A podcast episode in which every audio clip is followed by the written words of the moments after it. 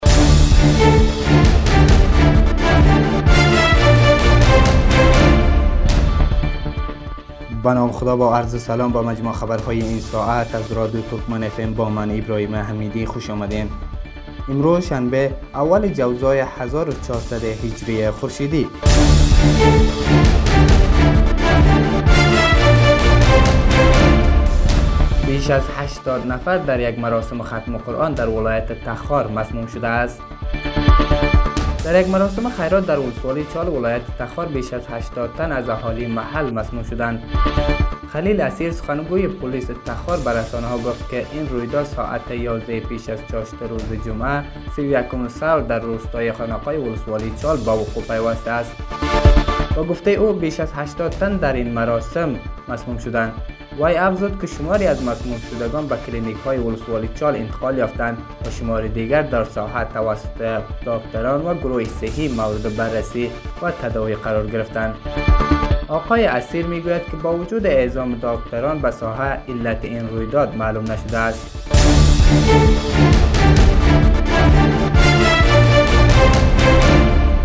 ده نفر بر اثر ابتلا با ویروس کرونا در کشور جان باختند.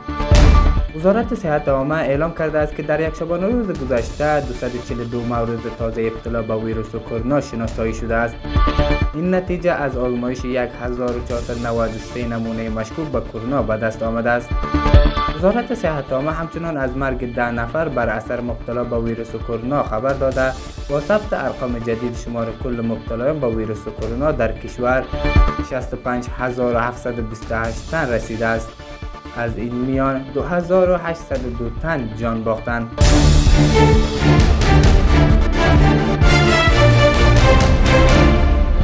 یک کودک هشت ساله در اثر اصابت تحوان به یک خانه مسکونی در ولایت تخار کشته شده است خلیل اسیر سفنگوی پلیس تخار به رسانه ها می که این حوان در منطقه پل 6 متره در مسیر تخار کندوز اصابت کرده که در نتیجه آن یک زن نیز زخمی شده است این رویداد اصر روز جمعه سی و یکم سو رخ سخنگوی پلیس تخار گفت که این حوان از سوی طالبان شلیک شده بود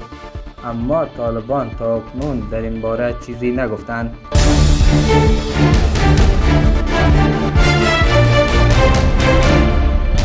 بازداشت سه طالب در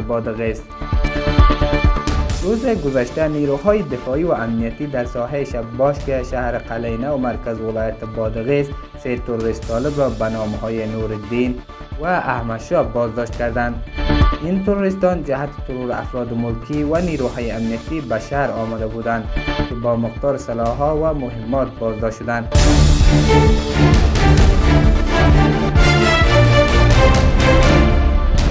فرد ملکی در اثر انفجار ماین مقناطیسی در غور زخمی شدند. مقام های محلی در ولایت غور بر رسانه ها می گویند حوالی ساعت دوی بعد از ظهر امروز یک موتر رینجر پلیس توسط به مقناطیسی طالبان در منطقه در ری منفجر شد که در نتیجه سه فرد ملکی زخمی شدند. با گفته مقام های محلی در این واقع به نیروهای امنیتی آسیبی نرسیده است. در همین حال مسئولان شفاخانه ولایتی غور میگویند که وضعیت سه زخمی خوب است با این حال باشندگان ولایت غور این عمل طالبان را شدیدن محکوم میکنند آنان میگویند طالبان هم را با انجام حملات توریستی شان با ایسه قربانی شدن افراد ملکی میشوند که این خلاف دستورات اسلام و تعهدات طالبان میباشد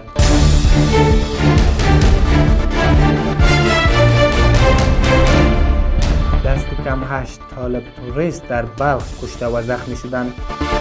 وزارت امور داخله با پخش خبرنامه می افزاید که نیروهای قطعات خاص پلیس عملیات هدفمند مشترک را با نیروهای اردوی ملی و امنیت ملی در مربوطات ولسوالی چمتال ولایت بلخ انجام دادند که در پی آن 8 تروریست طالب کشته و زخمی شدند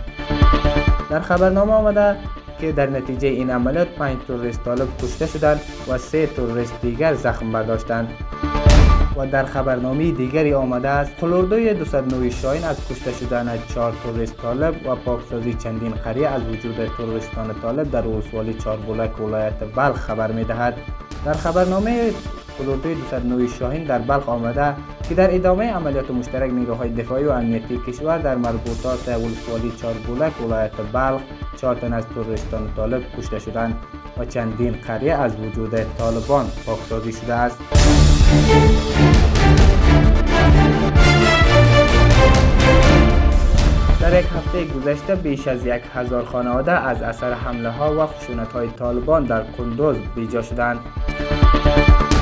غلام سخی رسولی رئیس امور مهاجرین کندوز بر رسانه ها میگوید که در جریان یک هفته گذشته بیش از یک هزار خانواده از اثر جنگ و خشونت های اخیر طالبان در ولسوالی امام صاحب این ولایت به مرکز شهر پناه بردند و این می که تیم های سروی در تلاش است تا به مشکلات آنان پس از سروی رسیدگی کنند و به زودی به آنان مساعد صورت خواهد گرفت در همین حال بیجا شدگان نیز میگوید که در وضعیت بدی قرار دارند و از اثر جنگ و خشونت های طالبان از خانه هایشان بیجا شدند. خانواده های بیجا شده از اثر جنگ و خشونت های طالبان در قندوز اعمال توریستی طالبان را نکوش کرده میگویند که این توریستان از خانه ها و مردم ملکی در برابر نیروهای امنیتی به عنوان سنگر استفاده کردند آنان را مجبور به ترک خانه ها و رسته کردند. این بیجا شدگان همچنان می افضایت که گروه توریستی طالبان هیچ اعتنایی به زندگی مردم و ملکی ندارند و همواره باعث تلفات غیر نظامیان و آواره شدن آنها از خانه هایشان شدند. با گفته آنان حراس افغانان طالب اماره مانع پیشرفت و توسعه افغانستان شده و مردم بیگونه آسیب رسانیده و نگذاشتند که مردم زندگی صلح آمیزی داشته باشند.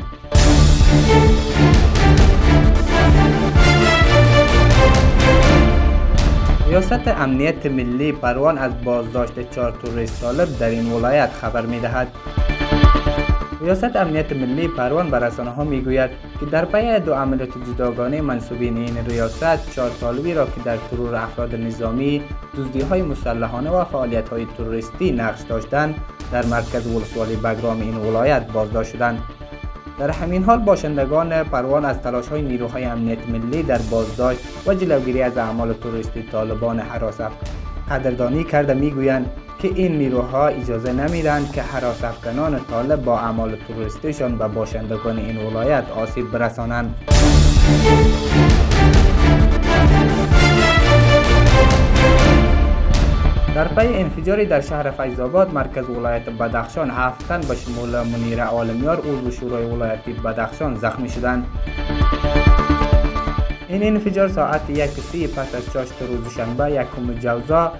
der shehr-e Faizabad rokh dad. shahidan mahal Roidad ruydad miguyan ke yak arada mohtar dar in enfejori asib didast va chand din tal zakhm bazashtan. میگ محمد نظری سخنکوی ولایت بدخشان میگوید که در این انفجار منیر عالمیار و شورای ولایت بدخشان امرا با راننده رئیس این شورا و پنجتن دیگر زخم برداشتند.